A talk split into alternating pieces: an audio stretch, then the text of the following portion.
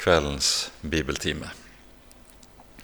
Men la oss nå be sammen før vi leser fra Den hellige Skrift. Vi takker og lover deg, Herre vår Gud og vår Far, for all din nåde imot oss og all din trofasthet. Takk, Herre, mest av alt, at vi skal få lov til å være dine barn for Jesus skyld. Og takk at du har gitt oss hele din frelses fylde i Ham som er din elskede Sønn. Nå ber vi, gode Herre, at du vil være hos oss med din Hellige Ånd. Gi oss lys i ordet ditt, slik at vi også må ha det vi trenger for veien frem mot målet. Herre, vår Herre, forbarm deg over oss. Vi ber i Jesu navn. Amen.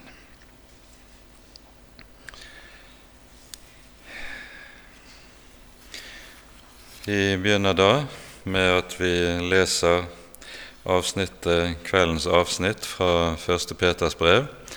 Det er fra kapittel 1, og vi leser fra vers 13 og ut kapittelet i Faderens, Sønnens og Den hellige ånds navn. Bind derfor opp om dere, om deres sinn, vær edrue og sett deres håp fullt og fast til den nåde dere får i Jesu Kristi åpenbarelse. Som lydige barn må dere ikke kikke dere etter de lyster som dere før hadde, i deres uvitenhet men vær etter den hellige som kalte dere, også dere hellige i all deres ferd. For det er skrevet:" Dere skal være hellige, for jeg er hellig. Når dere påkaller Ham som Far, som dømmer uten å gjøre forskjell, enhver etter hans gjerninger, da ferdes i frykt i deres utlendighetstid. For dere vet at det ikke var med forgjengelige ting, med sølv eller gull, dere ble kjøpt fri fra den dårlige ferd som var arvet fra fedrene, men med Kristi dyrebare blod, som blodet av et feilfritt og lyteløst lam. Han var forutkjent før verdens grunnvoll ble lagt, og for deres skyld er han blitt åpenbart ved tidenes ende. Ved ham er dere kommet til tro på Gud, som reiste ham opp fra de døde og ga ham herlighet. Derfor er deres tro også håp til Gud. Rens da deres sjeler i lydighet mot sannheten til oppriktig broderkjærlighet. Elsk hverandre inderlig av hjertet, for dere er gjenfødt, ikke av forgjengelig, men av uforgjengelig sæd, ved Guds ord som lever og som blir. For alt kjød er som gress, og all dets herlighet som blomst på gress. Gresset visnet, blomsten på det falt av, men Herrens ord blir til evig tid. Og dette er det ord som er blitt forkynt dere ved evangeliet. Amen.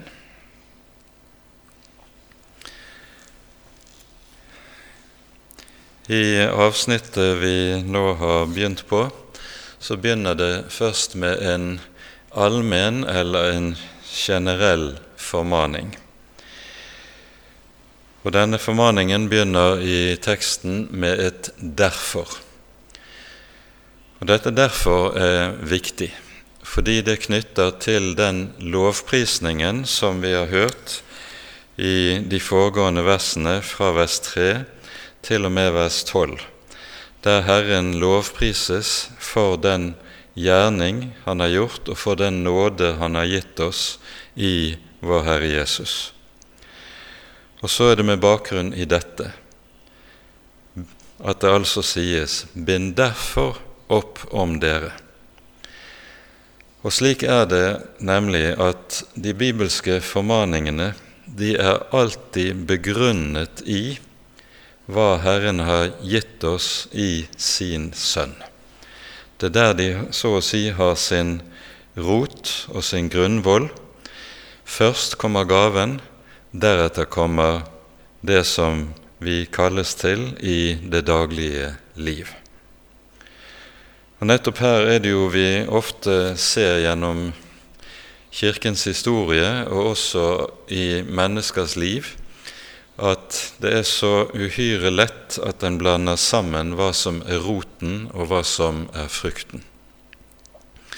Det som stadig hører den naturlige religiøsitet til, det er at en gjør våre gjerninger til roten på treet. At det nemlig er slik at hvis vi skal få nåde fra Gud, så må det skje på grunnlag av våre gjerninger, et eller annet som vi kan yte eller komme med.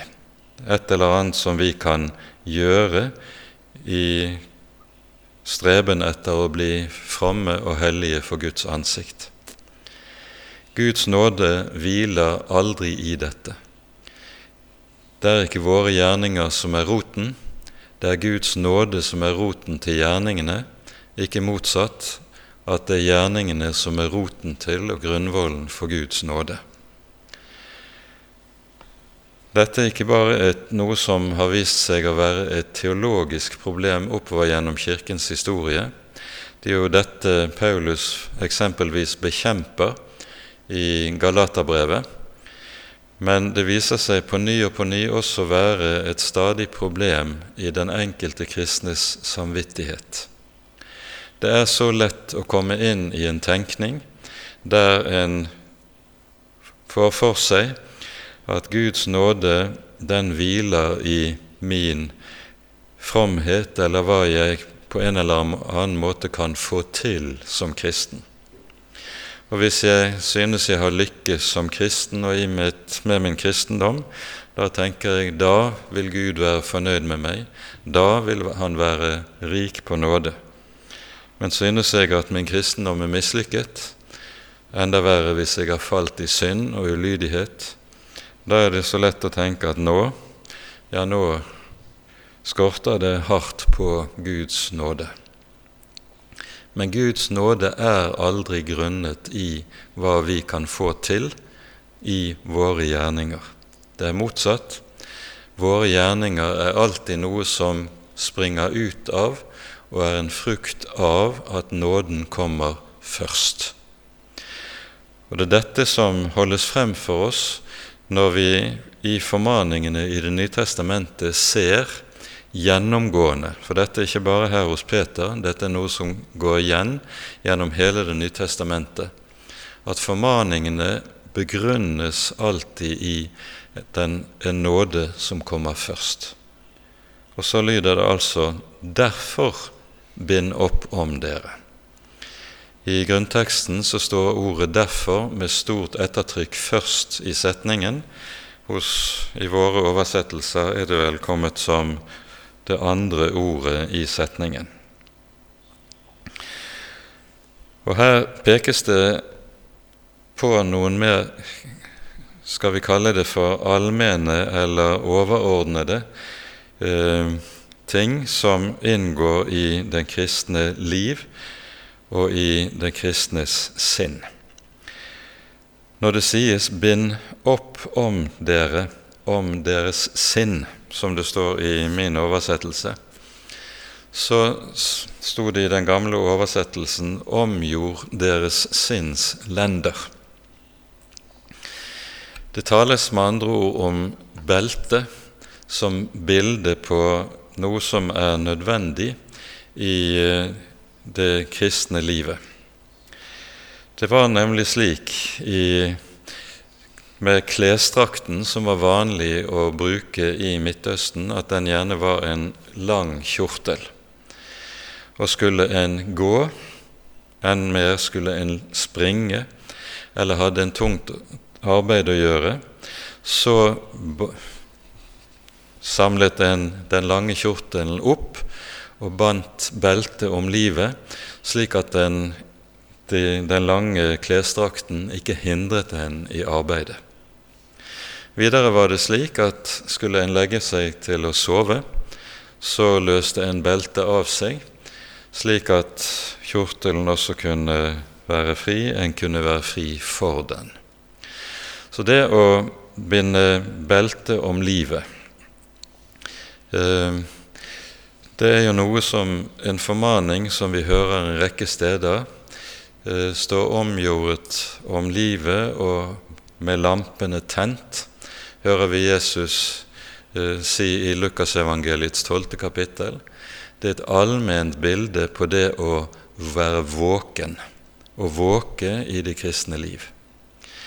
Og Her er det tale om at når en binder beltet om livet, da har en noe som skal gjøres, og da er sinnet bevisst eh, rettet i denne retningen med tanke på det som skal gjøres. Det motsatte er altså eventuelt å løse beltet av seg fordi en skal sove eller slappe av, som en gjerne sier det i våre dager. Det hører ikke med i dette. I Getsemane hører vi om hvorledes disiplene faller i søvn. Og Jesus taler ganske skarpt i rettesettene til dem. Dere sover altså. Våk og be for at dere ikke skal komme i fristelse, sier Jesus til dem ved denne anledning. Og dette er noe som ikke bare gjelder for det som sies der og da, men dette er noe som gjelder allment for oss gjennom hele troens liv. Det neste som sies, er 'vær edrue'. Det er også en formaning som vi møter relativt hyppig i brevene. Tre ganger eh, nevnes dette formaningen til å være edrue i 1. Peters brev, og vi hører det også i, særlig i 1. Tessalonika-brev og i 2. Timotius brev og i Titus brev. Vi skal være klar over at her siktes det ikke bare bokstavelig til edruelighet, det at en kristen ikke skal drikke seg drukken. Eh, men det sikter først og fremst til en art åndelig edruelighet. Og Derfor oversettes dette ordet av og til med ordet 'vær nøkterne'. Vær nøkterne. For på det åndelige livs område så fins det en type mangel på edruelighet som er meget farlig for troen. I eh, Kirkens historie er dette noe som en har sett om igjen og om igjen. For å ta et av de mer grovere eksempel fra nyere tid, så har vi dette som vi f.eks. har møtt gjennom den såkalte Toronto-velsignelsen, der mennesker sies under påvirkning av Den hellige ånd å falle om kull, og så ligge og skrike av latter eller brøle som dyr på gulvet i, gjennom lengre tid. Dette har ingenting med Den hellige ånd å gjøre. Det er en åndelig drukkenskap som er stikk motsatt av det som kjennetegner Den hellige ånd.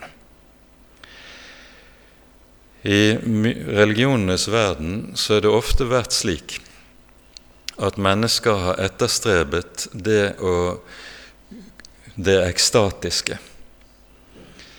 Ekstase, eh, det betyr det at et menneske mister kontrollen over sitt eget sinn og sinnet så å si overtas enten av sterkt berusende følelser eller at en hensettes i en sjelstilstand der en ikke lenger har kontroll over seg selv. Dette er noe som er fremmed for Bibels gudstro. Bibels gudstro er nemlig alltid kjennetegnet ved at et menneske beholder selvkontrollen.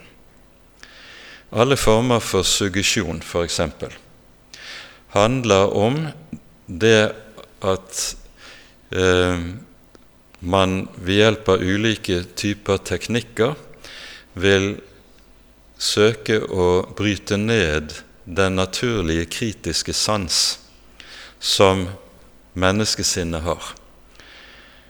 Og Bruk av suggesjon er derfor noe som er fullstendig fremmed for Guds måte å arbeide på og for Den hellige ånds virke. Suggesjon er nemlig en måte å bedra mennesker på. Man får mennesker til å koble ut den kritiske sans, slik at de ikke lenger er i stand til sunt å prøve det som de hører, det som de får servert. I motsetning til dette formanes altså de troende til nøkternhet, til en åndelig nøkternhet som nemlig beholder selvkontrollen og beholder også den kritiske sans som er nødvendig å ha i møte med alle de ulike åndsfenomener som vi kan bli stilt overfor, både her i verden og tidvis også innenfor kristenheten. Når det dukker opp usunne og falske åndelige fenomener innenfor kristenheten, så er det helt nødvendig å ha denne åndelige nøkternhet. Så nøkternhet er altså det annet som nevnes her. Og så kobles disse to ting, som vi her hører. Bind opp om dere, eller omgjord dere, vær nøkterne, og sett deres håp fullt og fast til den nåde som dere får i Jesu Kristi åpenbarelse.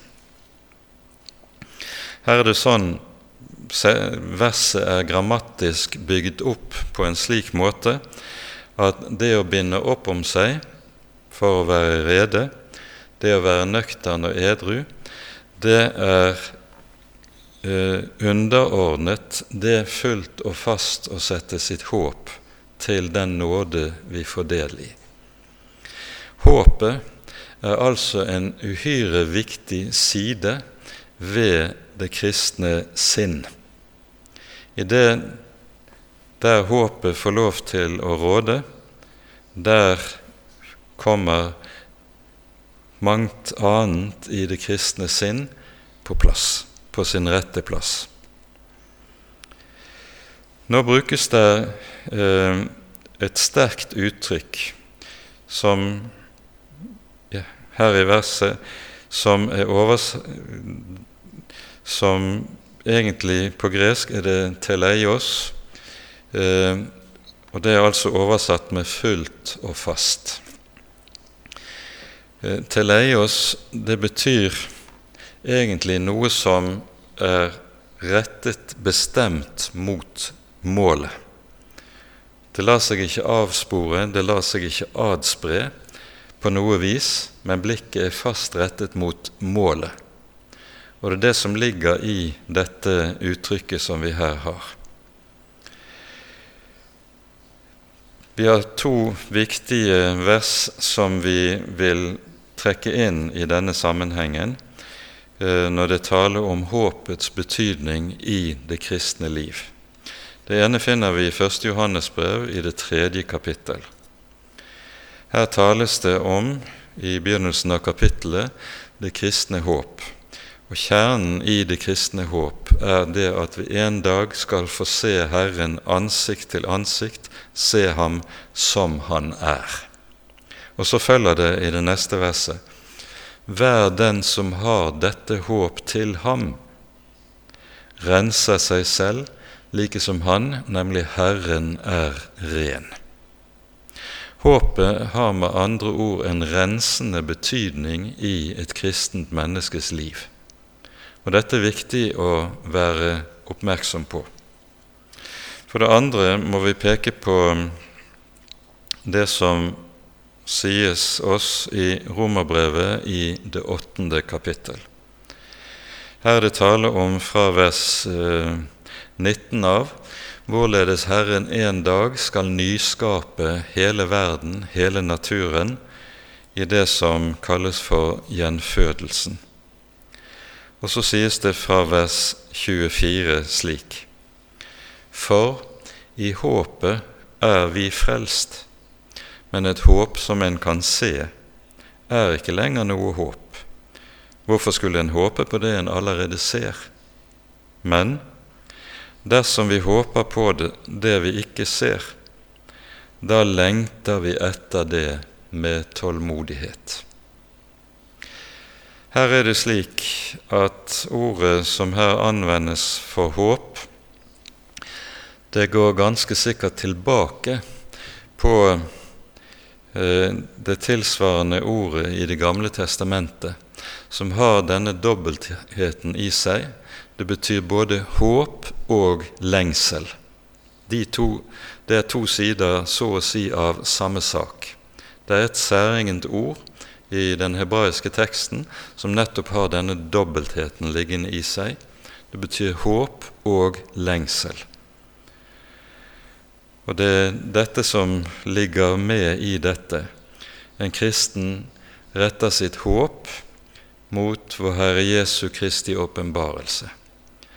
Han ser frem til, med lengsel og med glede, til Jesus skal komme tilbake slik det er lovet oss.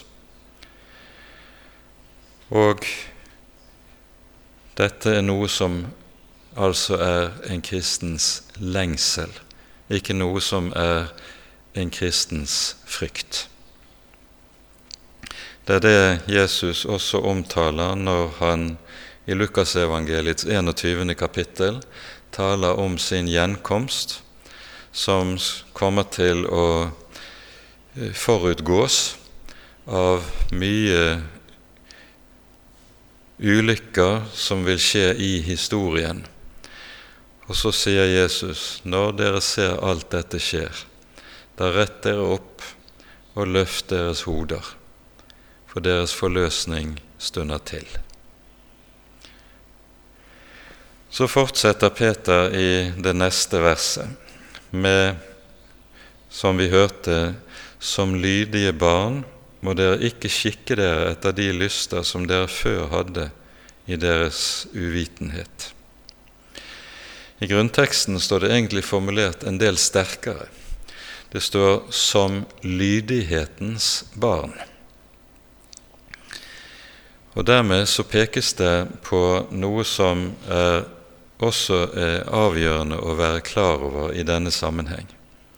Når vi hører ordet lydighet, så tenker vi umiddelbart på de ulike bud i Guds hellige lov som vi skal lyde og innrette oss etter.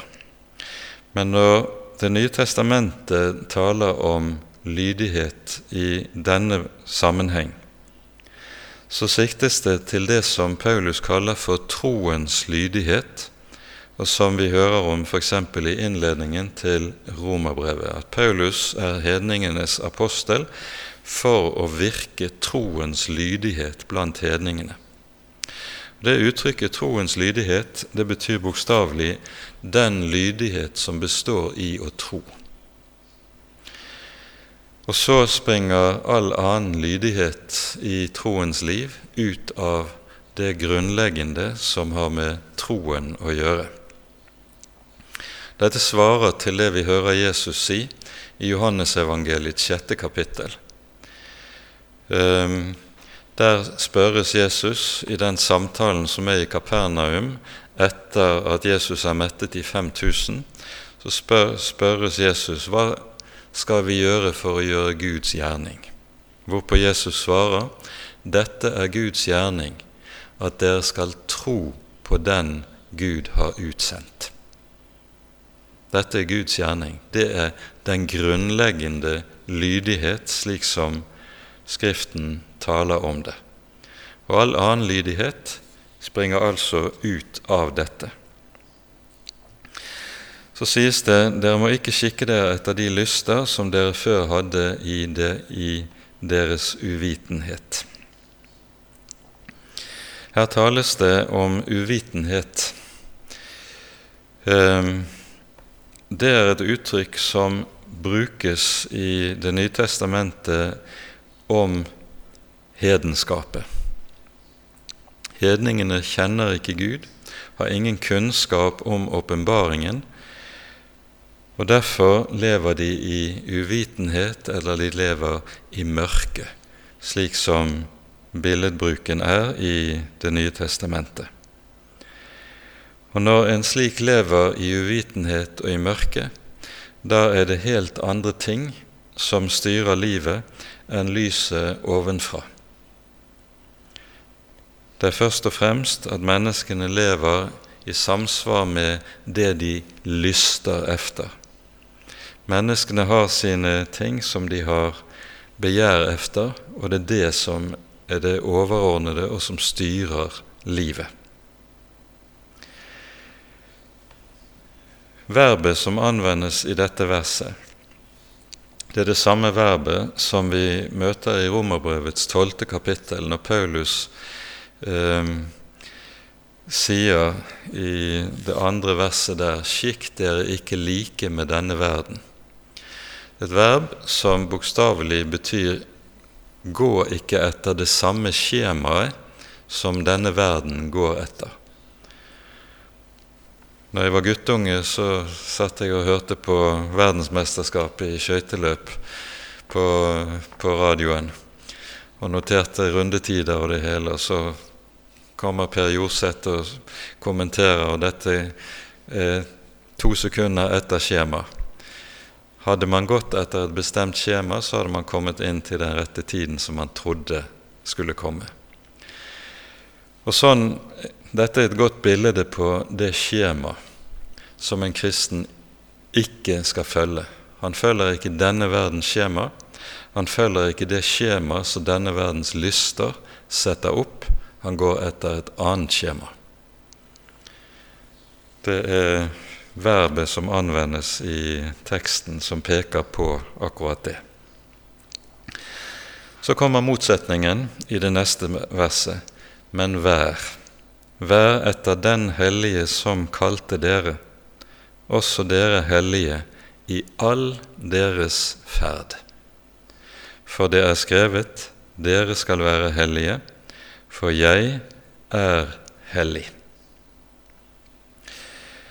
Dette vers, bibelverset som siteres her i vers 16, dere skal være hellige, for jeg er Herren er hellig, det finner vi hele fem ganger i Tredje Mosebok. I de av dere som har norsk bibel, der vil dere se at det står henvisning til Tredje Mosebok 19 og 20. Men i tillegg finner man denne setningen også to ganger i det ellevte kapittelet. Dere skal være hellige, for jeg, Herren, er hellig. Og Det som da er tankegangen, er det som jo understrekes med stor styrke i Det nye testamentet. F.eks. i Hebreabrevet i det tolvte kapittel så sies det uten helliggjørelse skal ingen se Herren. Og i første Tessalonika-brevs fjerde kapittel så sier Paulus Gud kalte oss ikke til urenhet, men til helliggjørelse. Vi merker oss i disse versene at Gud i vers 15 kalles for Den hellige. I Det gamle testamentet er jo dette et av de helt sentrale navnene på Herren. Han kalles rett og slett for Den hellige, eller han kalles for Israels hellige. Begrepet 'hellig' er i Bibelen en vesensbetegnelse på Gud. Begrepet betyr det å være absolutt adskilt fra alt det som er urent, syndig, vanhellig, det er Gud og det som er urent, ondt eller syndig, det er som ild og som vann. Gud er absolutt adskilt fra dette. Og Slik som Bibelen taler om dette, så er det utelukkende Gud som er hellig. Det er intet i denne verden, verken av ting, gjenstander eller mennesker, som er hellige. Gud alene er hellig. Men frelsen består i at Gud helliger oss. Og dette er avgjørende å være klar over. Og denne helligelsen har to sider ved seg, to aspekter, om man så vil. Det første er det som sies oss i Hebreabrevet i det tiende kapittelet. Her sies det slik i det tiende verset Ved Guds vilje er vi blitt helliget ved at Jesu Kristi legeme ble ofret én gang for alle. Det er altså slik at Jesu sonoffer på Golgata, det er det som er det grunnleggende som Gud helliger oss igjennom. Vi helliges ved troen, og så blir det dermed også slik at, som vi hører det i Det nye testamentet, at alle som tror på Jesus, kalles hellige. De er hellige ikke fordi de har en spesiell kvalitet ved seg selv som gjør at de er meget, meget frommere enn alle andre mennesker, men de er helliget ved troen på Jesus. Jesus er vår hellighet. Det samme understrekes i det 14. verset, også i Hebreane 10, der det sies slik.: For med ett offer har Han for alltid gjort dem fullkomne som blir helliget. Denne helligelsen er altså noe som ikke skjer i kraft av loven, men som skjenkes oss i evangeliet om Jesus. Det er en Guds gave. Og Derfor er det grunnleggende mønsteret i Det nye testamentets formaninger det som sies i Johannes' åpenbaring i det 22. kapittel. La den hellige fremdeles bli helliggjort. Det er bare de som er hellige, som kan helliggjøres. Det er bare de som er helliget ved troen på Jesus, som kan Eh, gå inn i det som vi gjerne kaller helliggjørelse, og som Peter taler om altså i denne sammenheng. Vær etter den hellige som kalte dere, også dere hellige, i all deres ferd. Legg merke til at det understrekes meget sterkt i all deres ferd. Dette er noe som eh, er vel verd å merke seg. For når det sies 'all deres ferd', så tenkes det på helt bokstavelig på all. Vi mennesker er ofte slik i vår ferd at vi er nøye på å oppføre oss pent og ordentlig når vi vet at andre mennesker kan se oss, vi blir iakttatt. Men når ingen ser oss, da er vi litt mer eh, løser vi på snippen og tar oss friheter som vi ikke ville gjort om mennesker ikke så oss.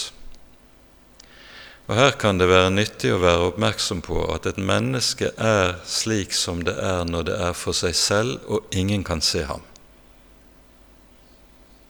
er du hellig der når ingen ser deg. Det tales om å være hellig i all sin ferd. Da tenkes det også på dette der ingen, intet menneske kan se.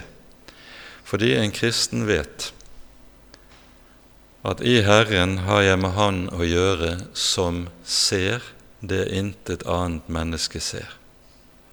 Jesus taler om i bergprekenen om at vi skal gå inn i vårt lønnkammer fordi Herren er den som ser i lønndom.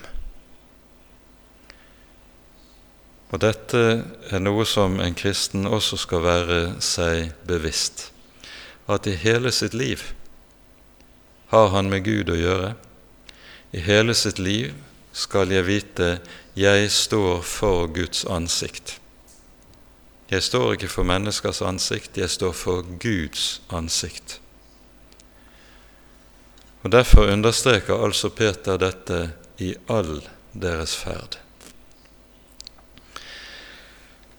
Til dette som vi her har hørt, knytter Peter så en annen grunnleggende sak. For grunnlaget for formaning er dobbelt. Vær for det første ordet 'Dere skal være hellige, for jeg, Herren deres Gud, er en hellig Gud'.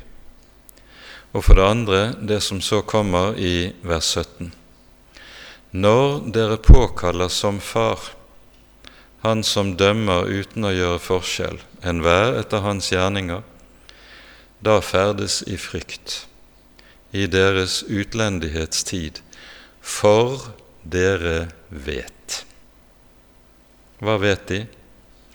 At det ikke var med forgjengelige ting, sølv eller gull, dere ble kjøpt fri fra den dårlige ferd som var arvet fra fedrene, men med Kristi dyre blod, som blodet av et ulastelig og lyteløst lam. Her tales det om i vers 17 om å ferdes i frykt, det som vi kaller for Guds frykt. Guds frykt er jo et hovedbegrep i vår bibel til å betegne et rett forhold til Gud. Og gudsfrykten henger sammen med to grunnleggende forhold. For det første henger det sammen med dette som Peter her har pekt på, at vår Gud er en hellig Gud. Og fordi Gud er hellig, så er han også en dommens Gud, som det understrekes i vers 17. Men samtidig så pekes det også på hvilken nåde det er Han har gitt oss, og hvor dyrebar denne nåde er. Kristi dyre blod. Og Her er vi inne ved noe som er en hemmelighet i Skriften, og som mange har lett for å overse. I Salme 130, som er den nest siste av de syv botsalmene i Salmenes bok, så sies det slik i det fjerde verset hos deg er forlatelsen for at du må fryktes. Altså syndenes forlatelse er kilde til sann gudsfrykt. Det er altså ikke bare slik at det taler om en frykt eller en angst for den hellige som er dommens Gud, men enn mer er det slik at der syndenes forlatelse får rom i et menneskes liv og et menneskes hjerte, der skapes også den rette gudsfrykt. For gudsfrykt, slik Bibelen taler om det, er ikke trellefrykt. Det er Bibelen taler jo om trellefrykt. I Romerbrevets åttende kapittel så hører vi Paulus i eh, vers 15 skjelne mellom det som han kaller for barnekårets ånd og trelldommens ånd. Barnekårets ånd, den kommer gjennom evangeliet. Men trelldommens ånd, den begynner å råde i et menneskes hjerte der en kommer inn under loven. Og Da begynner trelleangsten å råde i et menneskes hjerte.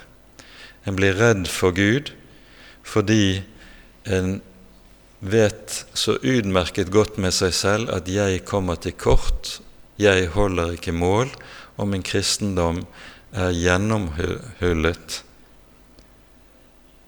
og halvhjertet. Når dette trer i forgrunnen, så kommer også trellefrykten som kommer av loven til å få rom. Men Guds frykt, slik Bibelen taler om det, det er ikke trelldomsfrykten. Det er i stedet en ærefrykt som henger sammen med at jeg vet hvem jeg har med å gjøre. Det er Han som er den hellige, og som samtidig er den som er så usigelig rik i nåde at han er gitt sin egen sønn i mitt sted.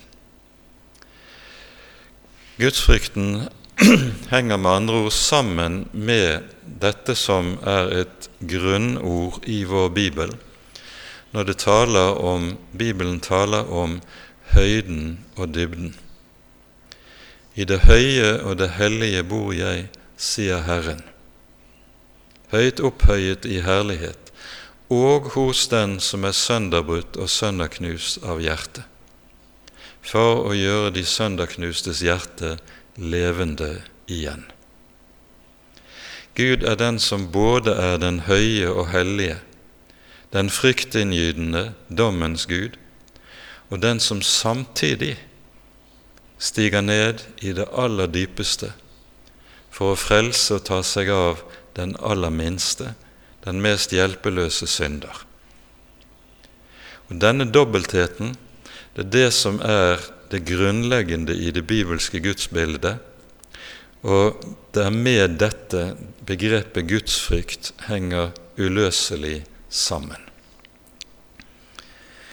Det handler altså i det, det Peter skriver i disse versene, om å vite hvem vi har med å gjøre i vår Gud.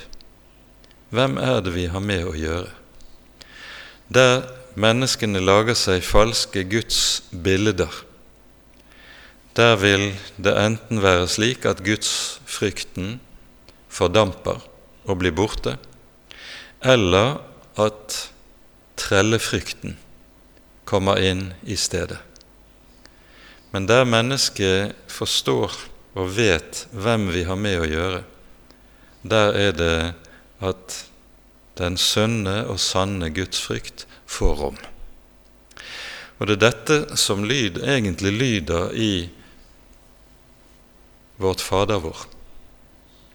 Når dere påkaller som Far, Han som dømmer. For innledningen til Fader vår, det er jo en innledning som understreker nettopp disse to ting høyden og dybden. Gud er far. En far som bøyer seg ned til sine små og hjelpeløse barn. Men samtidig er han den som troner i det høye, han er i himmelen. Og Derfor kobles disse to ting sammen med ordene 'Fader vår, du som er i himmelen'. Det er høyden og dybden som knyttes sammen. Og Når vi ber slik til Gud, så er det nettopp for å gjøre oss selv minne oss selv om hvem Han er som vi har med å gjøre når vi har med Herren å gjøre. Det er mange utleggere av Petersbrevet som mener at i dette vers 17, når dere påkaller som far, han som dømmer, så tenkes det her rett og slett på Fader vår. Og Årsaken er det at man mener at eh, særlig dette første kapittelet av eh, første Peters brev henger sammen med en dåpsformaning og dåpsforkynnelse. I det det er slik at versene fra vers 3 av og til og med vers 16 var vers som skulle leses for dåpskandidaten før han ble døpt, og så etter dåpen, når en steg opp av vannet, så var de første ordene den nydøpte skulle ytre, det var at han skulle be Fader vår. I dåpen dør det gamle mennesket, et nytt menneske reises opp, og det som kjennetegner det nye mennesket, er at det er Guds barn, og som har rett til å kalle Gud far. Og så eh, er det denne tankegangen som en da har ment kanskje er bakgrunnen for det vi her hører i Peters brev.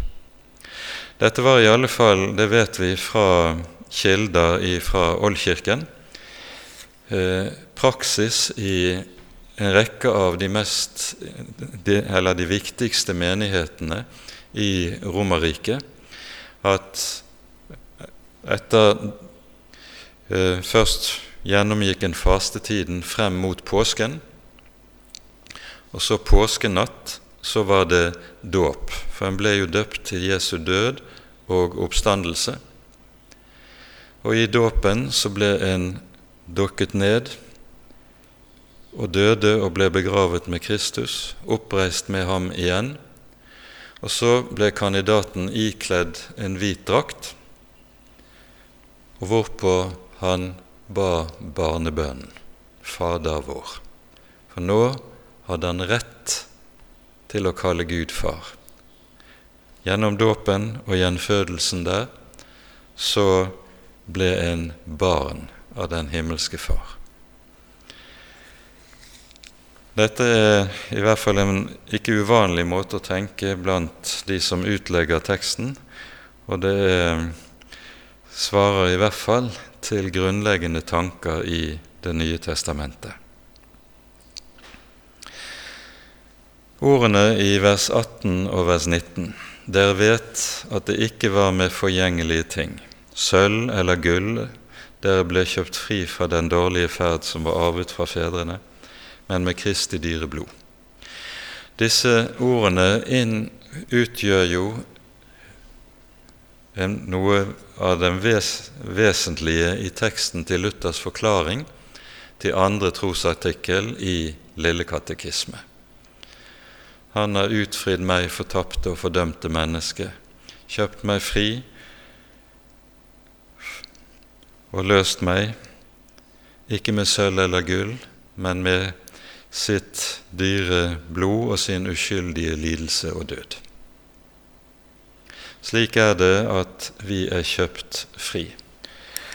Og her er det slik at det er klart at Peter må ha i tanke Jesu ord i Matteusevangeliets 20. kapittel, når Jesus sier 'Menneskesønnen er ikke kommet for å la seg tjene', men for selv å tjene og gi sitt liv til en løsepenge for mange.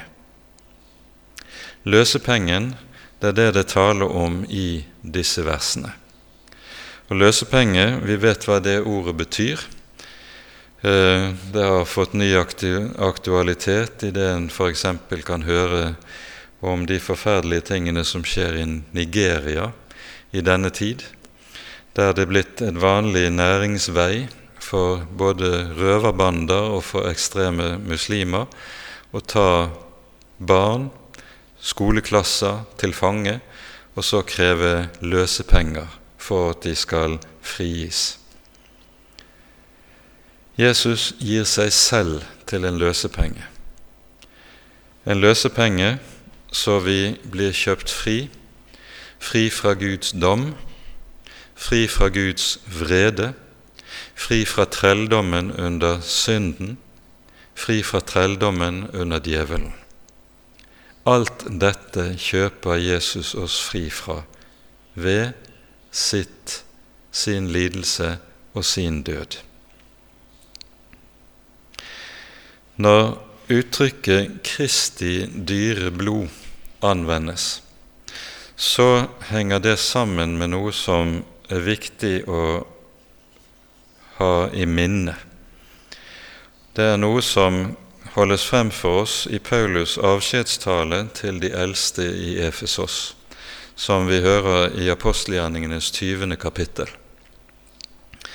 Her hører vi Paulus' formaning til Eh, de eldste i Efesos, der han bl.a. sier i vers 28 slik.: Så gi da akt på dere selv og på hele den jord som Den hellige ånd har satt dere som tilsynsmenn for, for at dere skulle vokte Guds menighet som han vant seg ved sitt eget blod.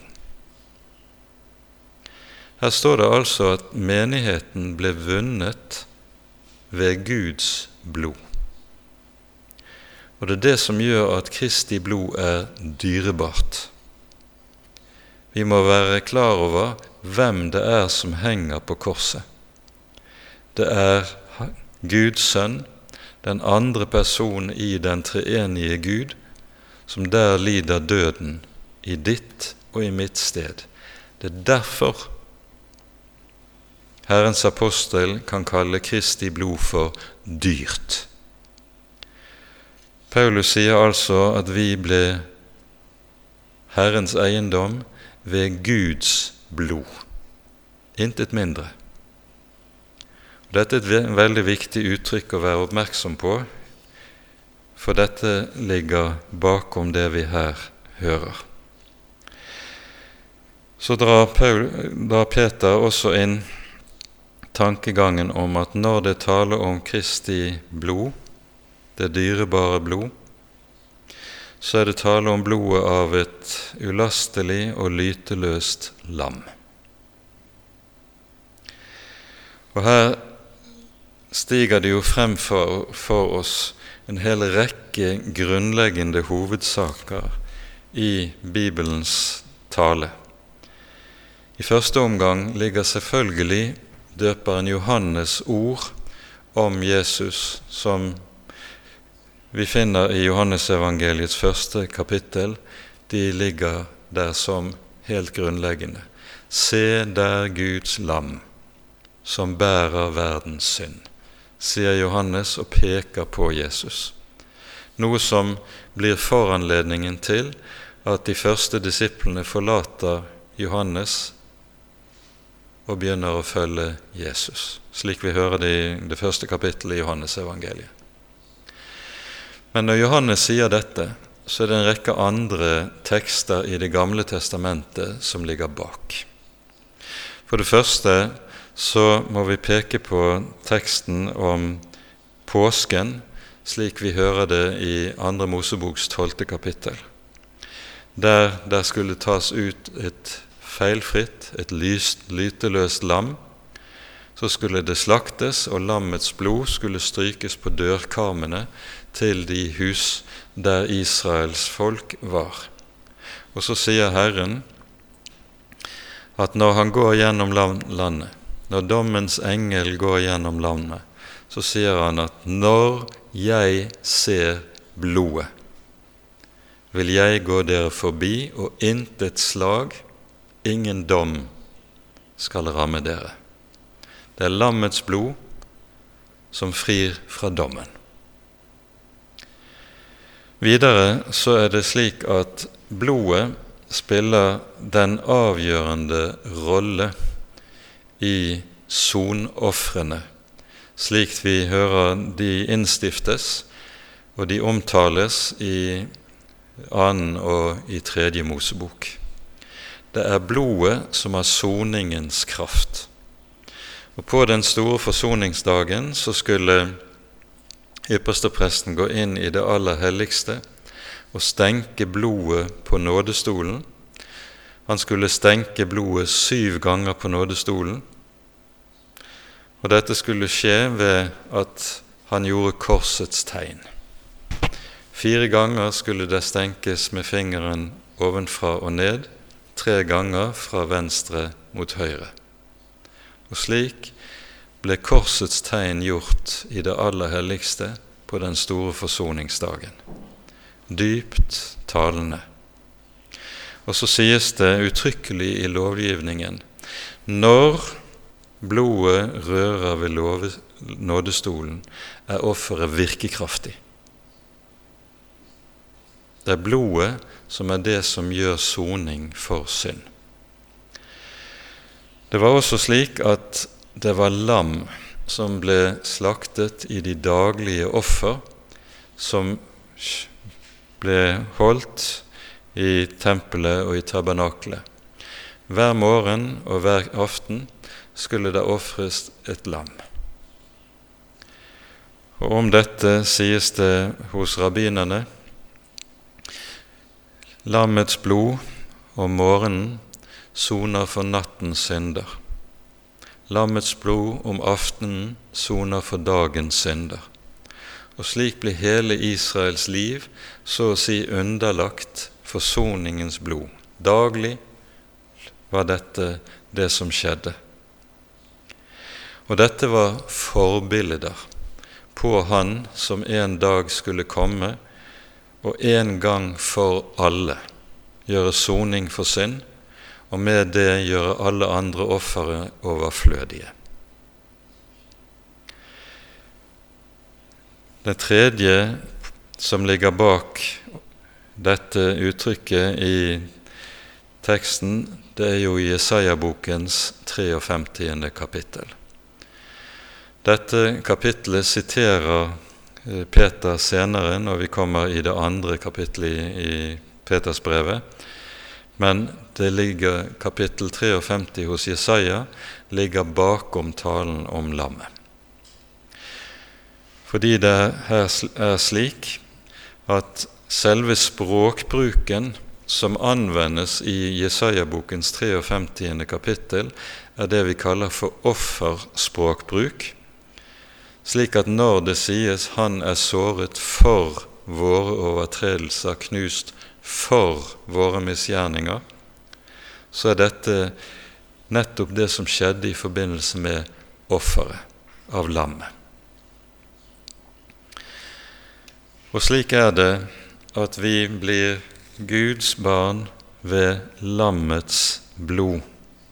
Dere ble kjøpt fri kjøpt fri fra den dårlige ferd som var arvet fra fedrene, med Kristi dyrebare blod.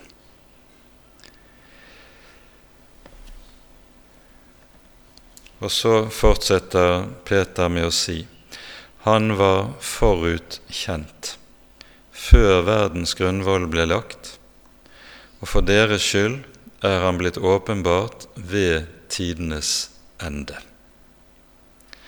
Her må vi ha i minne det som sies i åpenbaringsboken i det 13. kapittel. I det åttende verset står det om livets bok, som er hos lammet som ble slaktet fra verdens grunnvoll ble lagt. Dette er et meget viktig uttrykk. For dette peker på én ting, nemlig at når Gud skaper himmel og jord, så vet han allerede før skapelsen at hvis han skal gjøre dette, så vil det koste ham usigelig mye. Han vet i sin allvitenhet at synden vil komme inn i verden, fallet vil skje, det onde vil få rom, det onde vil komme til å herske i skaperverket. Og skal han gjenreise skaperverket fra dette dype fall, fra ondskapens herredømme, så vil det koste ham hans egen sønn. Dette vet Gud før han skaper himmel og jord. Så når Gud skaper alt det, slik vi hører om det i begynnelsen i Første Mosebok, så vet Gud at dette vil koste ham usigelig meget. Og Det er dette som ligger bak det Peter her taler om, og som vi har lest. Han var forutkjent. Korset var forutkjent. Gud hadde talt med sin sønn, og sønnen var villig til å bære omkostningene ved skaperverkets forløsning. Og så, i tidens fylde, kommer han til verden, fødes av en kvinne og forløser oss ved sitt eget blod. Og så fortsetter Peter med å si:" Ved ham er dere kommet til tro på Gud, som reiste ham opp fra de døde og ga ham herlighet. Derfor er deres tro også håp til Gud. Her skal vi merke oss ved det som her lyder Ved ham er dere kommet til tro på Gud. Det finnes ingen sann gudstro uten Jesus. Du kan ofte høre at mennesker sier at de tror på Gud. Men dersom de ikke tror på Jesus, så er gudstroen falsk. For det er i vår Herre Jesus Gud har åpenbaret seg. Det er alene i Kristi person og i det Kristus gjør, at vi lærer Gud å kjenne rett. Derfor skal du være rimelig skeptisk når du bare hører folk tale om at de tror på en eller annen Gud, uten at de har med at det er troen på Jesus som er det egentlige. Jesus sier i Johannes evangelis femte kapittel at 'den som ærer Faderen, ærer meg'. Det finnes intet sant Guds kjennskap uten Jesus. Og Derfor er det slik som Peter her sier, det er ved Jesus vi kommer til tro på Gud og også lærer Gud å kjenne. For dette skjer ved at Gud reiste ham opp fra de døde og ga ham herlighet. Derfor er deres tro håp til Gud. Troen på Jesus er håpet til Gud, og det er det håp som ikke gjør til skamme. Og Med det tror jeg vi setter punktum i dag. Det vil føre for langt om vi også skulle gå inn i de siste versene her i det første kapittel. Så det får utstå til neste gang. Ære være Faderen og Sønnen og Helligånden, som var og er og være skal, en sann Gud høylovet i evighet. Amen. La oss så sammen be Herrens bønn.